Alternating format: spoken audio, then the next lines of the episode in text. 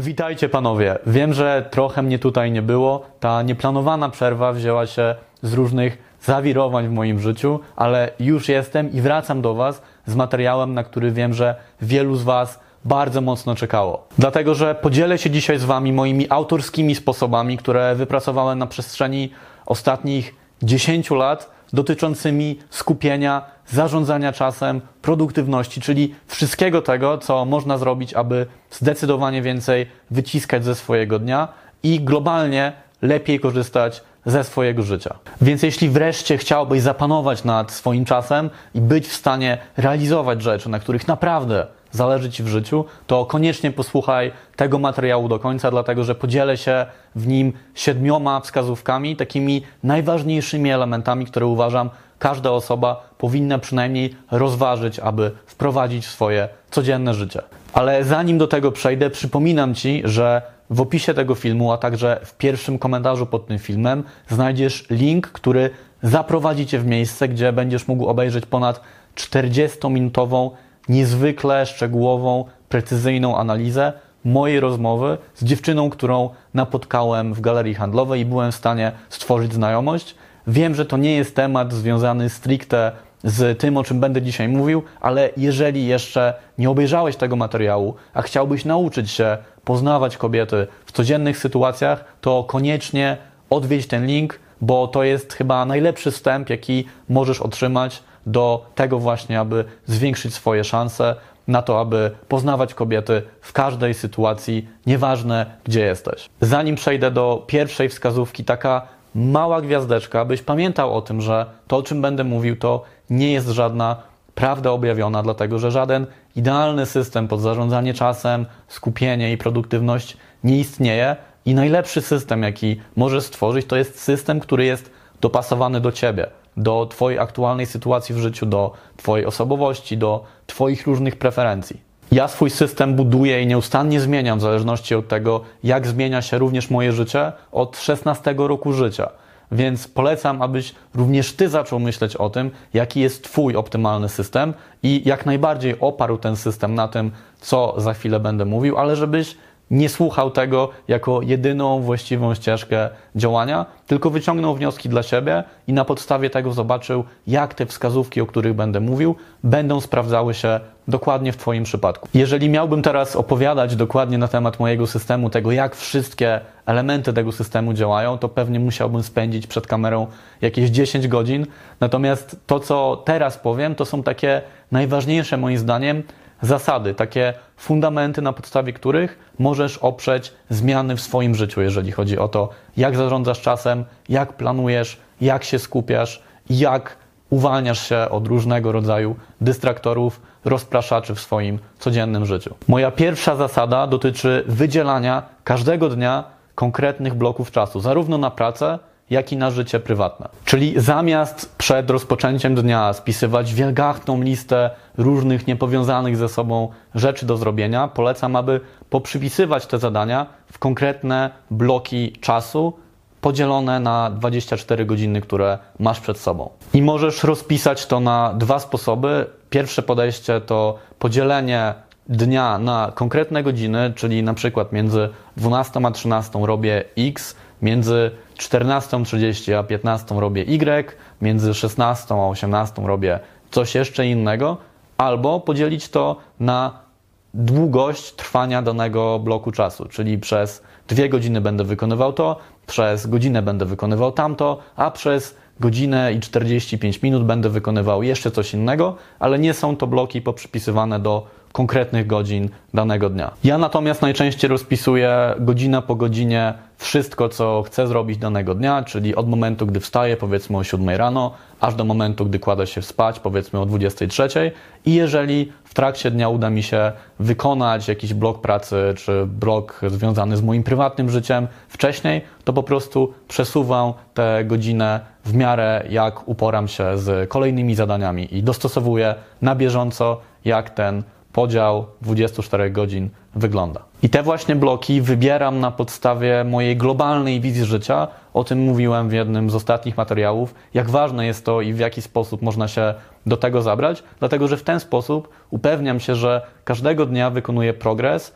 w kierunkach, które są dla mnie aktualnie w życiu ważne. I wykonuję małe kroczki do tego, aby realizować moje duże projekty i marzenia czy cele związane właśnie z tymi rzeczami. Jedną z zalet, które widzę w dzieleniu dnia na bloki pracy, a nie na niekończącą się listę rzeczy do zrobienia, jest to, że potrafisz znacznie lepiej przewidzieć, ile czasu zajmie ci dana czynność, a także gdy wykonujesz coś, co jest dla ciebie trudne i wymagające, masz z tyłu głowy myśl, że ok, zostało mi jeszcze na przykład pół godziny pracy, więc zrobię wszystko, co mogę, aby dokończyć ten blok, zamiast dawać swojemu mózgowi poczucie, że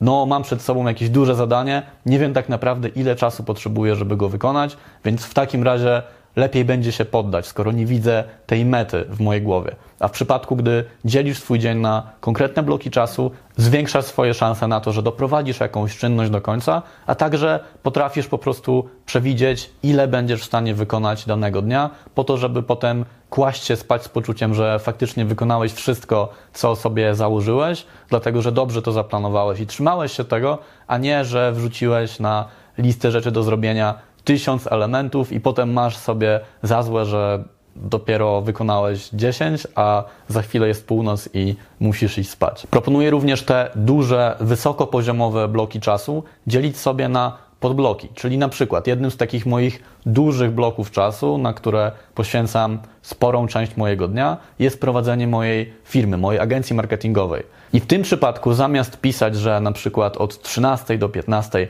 pracuję nad moją firmą, decyduję, co konkretnie w tym bloku czasu chciałbym wykonać w związku z moją firmą, tak aby wiedzieć i nie myśleć już, jakie ja mam tak naprawdę rzeczy do zrobienia, tylko wtedy właśnie przenoszę te elementy z mojej to-do listy, z rzeczy do wykonania w ten blok czasu i przydzielam konkretne rzeczy do zrobienia w ramach tego bloku czasu, będąc jednocześnie w stanie przewidzieć, ile mniej więcej czasu zajmą mi te czynności. Natomiast, aby być w stanie realnie przewidzieć, ile czasu zajmie mi dana czynność i zauważyć pewne wzorce moich zachowań, tego ile różne czynności faktycznie pochłaniają mojego czasu, używam aplikacji do śledzenia czasu. Ja konkretnie korzystam z Toggle, darmowej aplikacji, która pozwala Ci wydzielać różne projekty związane z Twoimi blokami czasu pod konkretne czynności. I Tobie polecam robić to samo, bo z jednej strony to pozwoli Ci dokładnie wiedzieć, ile jeszcze czasu zostało Ci do końca danego bloku pracy, co powinno zmotywować Twój mózg do tego, aby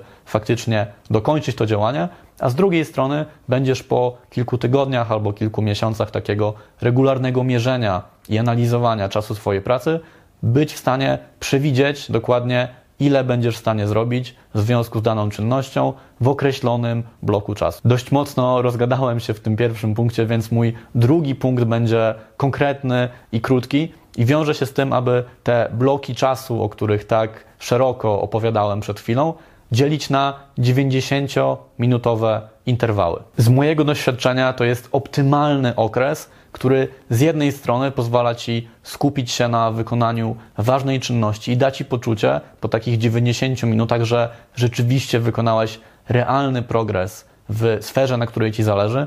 i zarazem być może będziesz w stanie nawet wejść w tak zwany stan flow podczas tych 90 minut i na tyle przywiązać się do wykonywanego zadania, że uznasz, że rozwiniesz ten blok pracy i zamiast 90 minut spędzisz na przykład 3 godziny na danej czynności. Z drugiej natomiast strony to jest taki właśnie horyzont czasowy, o którym mówiłem wcześniej, który pozwoli Twojemu mózgowi zaakceptować to, że masz do wykonania zadanie, które nie będzie trwało w nieskończoność. I nawet jeżeli masz trudności, żeby je wykonać, to wiesz, że zostało Ci na przykład 60 albo 30 minut i będziesz mógł zrobić sobie przerwę albo nagrodzić się jakoś za to, że przetrwałeś przez ten 90-minutowy blok. To wszystko wiąże się z konceptem tak zwanej pracy głębokiej, której zarówno ja, jak i Vincent jesteśmy ogromnymi fanami. Jeżeli chciałbyś dowiedzieć się więcej na temat tego, czym jest praca głęboka, a także na temat wielu innych rzeczy związanych właśnie ze skupieniem i organizacją pracy, to polecam Ci książkę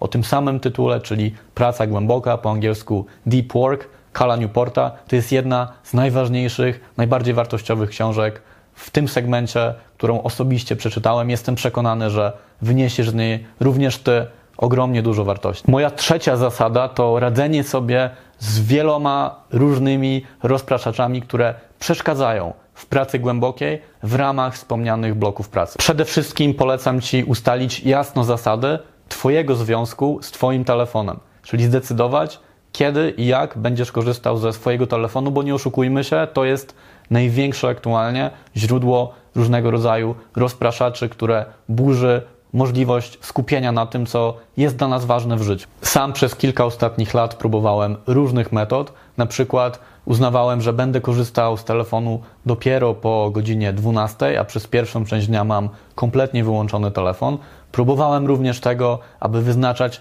konkretnie interwały na przestrzeni dnia, na przykład o 13, o 17 i o 22,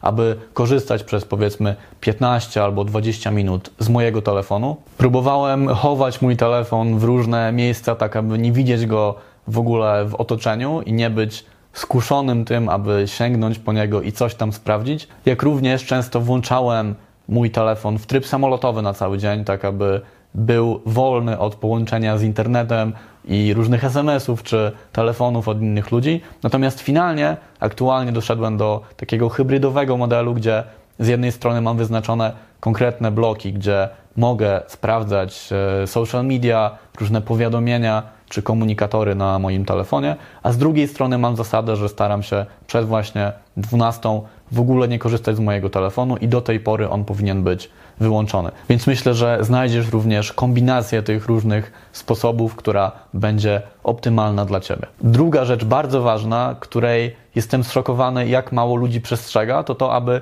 wyłączyć ze swojego telefonu absolutnie wszystkie powiadomienia związane z mediami społecznościowymi i z komunikatorami. Mam na myśli zarówno notyfikacje wizualne, które pojawiają się na górze waszego telefonu, a także wszelkie notyfikacje dźwiękowe. Ja przez większość dnia mam po prostu wyciszony telefon, dlatego że nawet jeżeli macie sztywne zasady, żeby nie sprawdzać swojego telefonu, to jeżeli już wpadnie wam ten telefon w ręce o nieprzewidzianej godzinie, to aby zminimalizować szansę, że wpadniecie w taką króliczą dziurę, z której nie wyjdziecie i będziecie po prostu pochłaniani przez kolejne powiadomienia, kolejne wiadomości i tak dalej, warto sobie ułatwić zadanie i usunąć te powiadomienia, tak aby gdy macie telefon w ręku, nie być kuszonym przez informacje pochodzące szczególnie właśnie z różnych mediów społecznościowych, komunikatorów czy aplikacji, których używacie do rozrywki. Poza waszym telefonem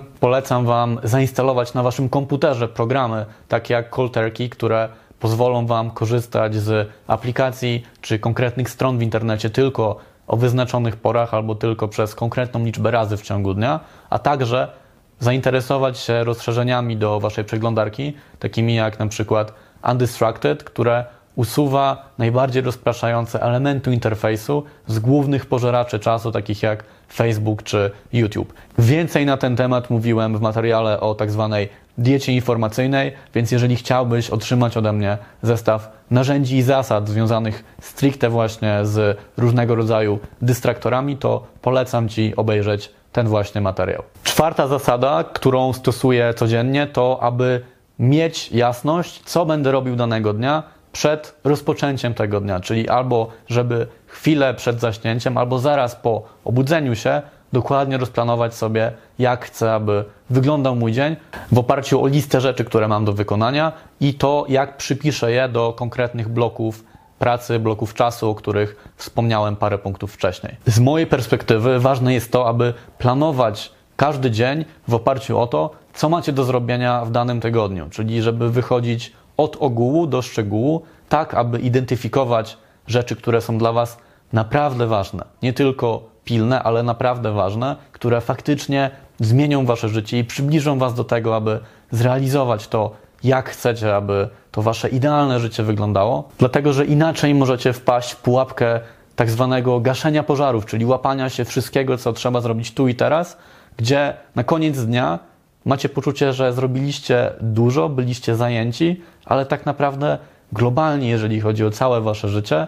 nie zrobiliście progresu, aby być tam, gdzie chcecie być za rok, za dwa, za pięć czy za dziesięć lat. Chcę jeszcze tylko dodać, że takie planowanie skrupulatne każdej godziny swojego życia, dzień w dzień, tydzień w tydzień, miesiąc w miesiąc, rok w rok, może wydawać się dla niektórych z Was więzieniem, czymś, czego chcieliby uniknąć, szczególnie jeżeli mają możliwość, aby faktycznie zaplanować sobie od A do Z każdy swój dzień. Ja na przykład już od paru lat nie pracuję dla nikogo na etacie, nie mam żadnych zobowiązań wobec mojego szefa, nie mam też rodziny czy dzieci, więc absolutnie każdą minutę mojego dnia mogę wykorzystać tak jak chcę. Natomiast sam intencjonalnie narzucam na siebie taki ścisły harmonogram, prawie jakbym był właśnie w jakimś więzieniu czy takiej stereotypowej korporacji, gdzie trzeba wszystko dokładnie wykonać zgodnie z planem, ale zauważyłem na przestrzeni ostatnich lat coś, o czym mówi na przykład Jocko Willing,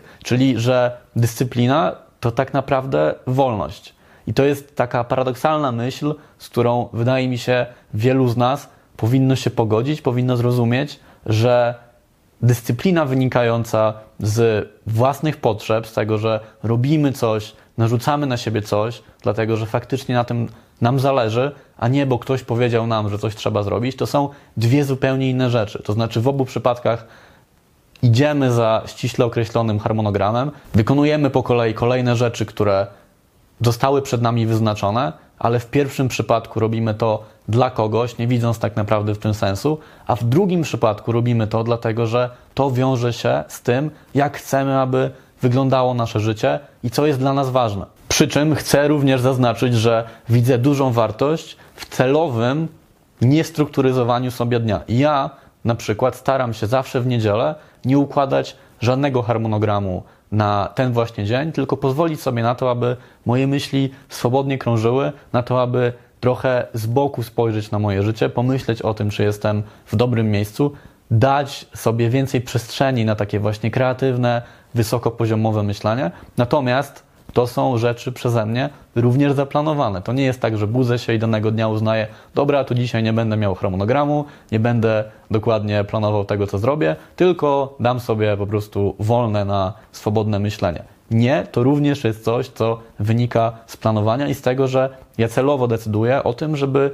taką właśnie niedzielę poświęcić na swobodne, kreatywne myślenia. Jestem niezwykle ciekaw, co Ty sądzisz o tej filozofii, a także o wszystkim innym, co do tej pory mówiłem. Daj znać w komentarzach. Jestem, jak zawsze, bardzo otwarty na dyskusję, na to, aby poznać Wasze zdanie. Nie mogę się doczekać, aż zobaczę, co na ten temat uważasz. Tymczasem przechodzimy do punktu piątego, czyli do gromadzenia prostych, rutynowych, powtarzalnych, często bezmyślnych czynności. Mam na myśli to, że jeżeli masz jakieś czynności, które codziennie albo prawie codziennie wykonujesz, jak na przykład gotowanie, sprzątanie, wzięcie prysznica, zadzwonienie do swojej mamy albo dowolną inną rzecz, która po prostu zawsze albo prawie zawsze się powtarza, to warto, aby przynajmniej część z tych czynności ustawić obok siebie, jeżeli to są czynności, które nie kosztują cię jakoś dużo wysiłku mentalnego i zrobić je za jednym zamachem. To trochę tak jak z odpowiadaniem na maile, to znaczy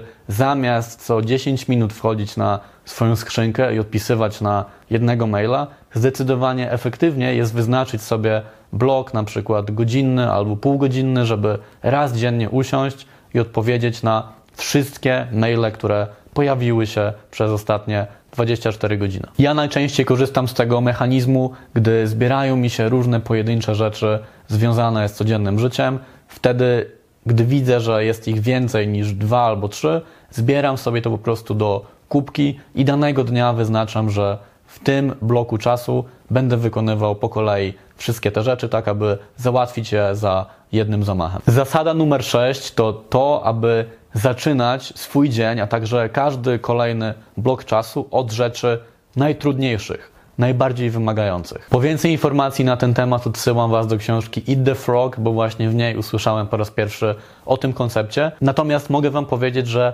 jednym z największych plusów tego rozwiązania, jak ja zauważyłem, jest to, że jeżeli obudzę się i wykonam jakąś trudną czynność, która ciąży mi w głowie od dłuższego czasu, której nie chcę się podjąć, która wiem, że będzie wymagała mnie wyjątkowo dużo wysiłku i uda mi się ją zrealizować, na przykład w ciągu pierwszych dwóch godzin po przebudzeniu się, to reszta dnia staje się nieporównywalnie prostsza i z jednej strony czuję ogromną satysfakcję, że już coś ważnego zrobiłem, nawet jeżeli wszystkie inne rzeczy już by się nie wydarzyły i nie byłbym w stanie niczego zrobić, to i tak ta jedna ważna rzecz sprawi, że mój dzień będę mógł uznać za udany, a po drugie to daje mi niesamowitej motywacji, takiego, jest takim kopem, który sprawia, że chce mi się wykonywać kolejne rzeczy. I jeżeli zrobiłem już to, co jest najtrudniejsze, no to na pewno bez problemu będę w stanie zrobić również inne czynności, które nie są aż tak wymagające. Moja ostatnia, siódma zasada brzmi, aby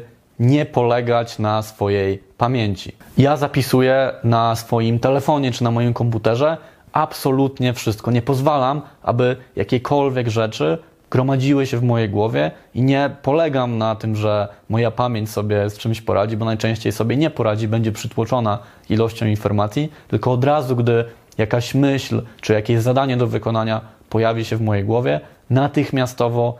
zamieniam to na notatkę w moim telefonie albo w moim komputerze. Ja zapisuję absolutnie wszystko, dlatego że nie chcę się martwić, że o czymś mogę zapomnieć. I kluczowe jest, moim zdaniem, to, aby wyrobić sobie nawyk do zapisywania informacji, korzystania z notatek, korzystania z kalendarza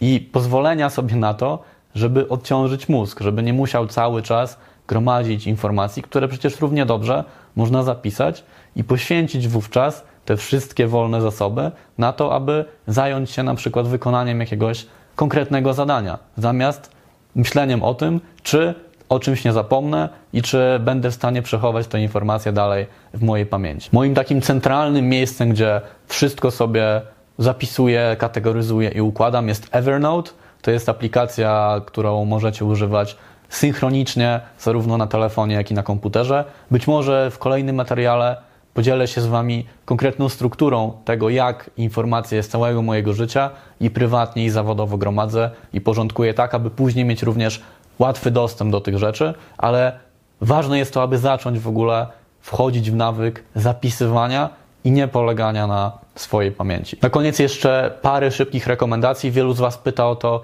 jakie książki przeczytać na dany temat, więc uznałem, że na koniec tego filmu podzielę się z Wami książkami związanymi właśnie z produktywnością, zarządzaniem czasem i planowaniem. Takie cztery pozycje, które przyszły mi do głowy jako jedne z najbardziej wartościowych i fundamentalnych, na które trafiłem w moim życiu, to Deep Work, Getting Things Done, Eat the Frog oraz The Seven Habits of Highly Effective People. Podaję Wam tytuły po angielsku, dlatego że po pierwsze zachęcam do czytania książek w oryginale, a one wszystkie zostały napisane właśnie w języku angielskim, a po drugie nie wiem, czy wszystkie z nich są dostępne w języku polskim, natomiast sprawdzę to i jeżeli są również po polsku, to wspomnę o tym w opisie tego filmu. Chcę również, abyś pamiętał o tym, o czym powiedziałem już wcześniej w moim filmie na temat wyznaczania życiowej wizji. Do tego filmu odnosiłem się w jednym z punktów, o których dzisiaj wspomniałem, a konkretnie o tym, że nawet najlepszy system do zarządzania czasem i produktywności i nawet najbardziej kurczowe trzymanie się zasad, na przykład tych, o których wspomniałem, nie zastąpi tego, że wiesz, dlaczego robisz pewne rzeczy na co dzień. Te wszystkie zasady, te wszystkie reguły nie dadzą ci wiele, jeżeli nie będziesz miał przed sobą każdego dnia jasnej wizji, dlaczego to robisz, jaka jest Twoja motywacja i w jakim dokładnie kierunku zmierzasz. Więc pamiętaj o tym, jeżeli nie masz jeszcze przed sobą tej wizji, zacznij od tego, a dopiero potem myśl o tym, jakie konkretnie taktyki, techniki i zasady wprowadzić do swojego życia, aby być w stanie na co dzień realizować te właśnie wizje. I z tą myślą Was zostawiam, a jednocześnie, jak zawsze, bo to dla mnie bardzo ważne, zachęcam Was do tego, abyście dali znać w komentarzach poniżej, jak podobał Wam się ten materiał, czy są pewne kwestie, które chcielibyście, abym doprecyzował albo rozszerzył i być może nagrał dedykowany materiał na temat którejś z zasad, o której dziś wspomniałem, a także jeżeli uważacie, że to, co powiedziałem, było wartościowe, abyście dali temu materiałowi lajka, zasubskrybowali mój kanał, a także podzielili się tym filmem ze swoimi znajomymi. Dzięki za obejrzenie filmu do końca. Widzimy się za tydzień. Obiecuję, że tym razem już bez żadnych opóźnień. A w międzyczasie trzymajcie się zdrowo, trzymajcie się ciepło, rozwijajcie się, dążcie do tego, aby być jak najbardziej atrakcyjną, spełnioną i szczęśliwą wersją siebie.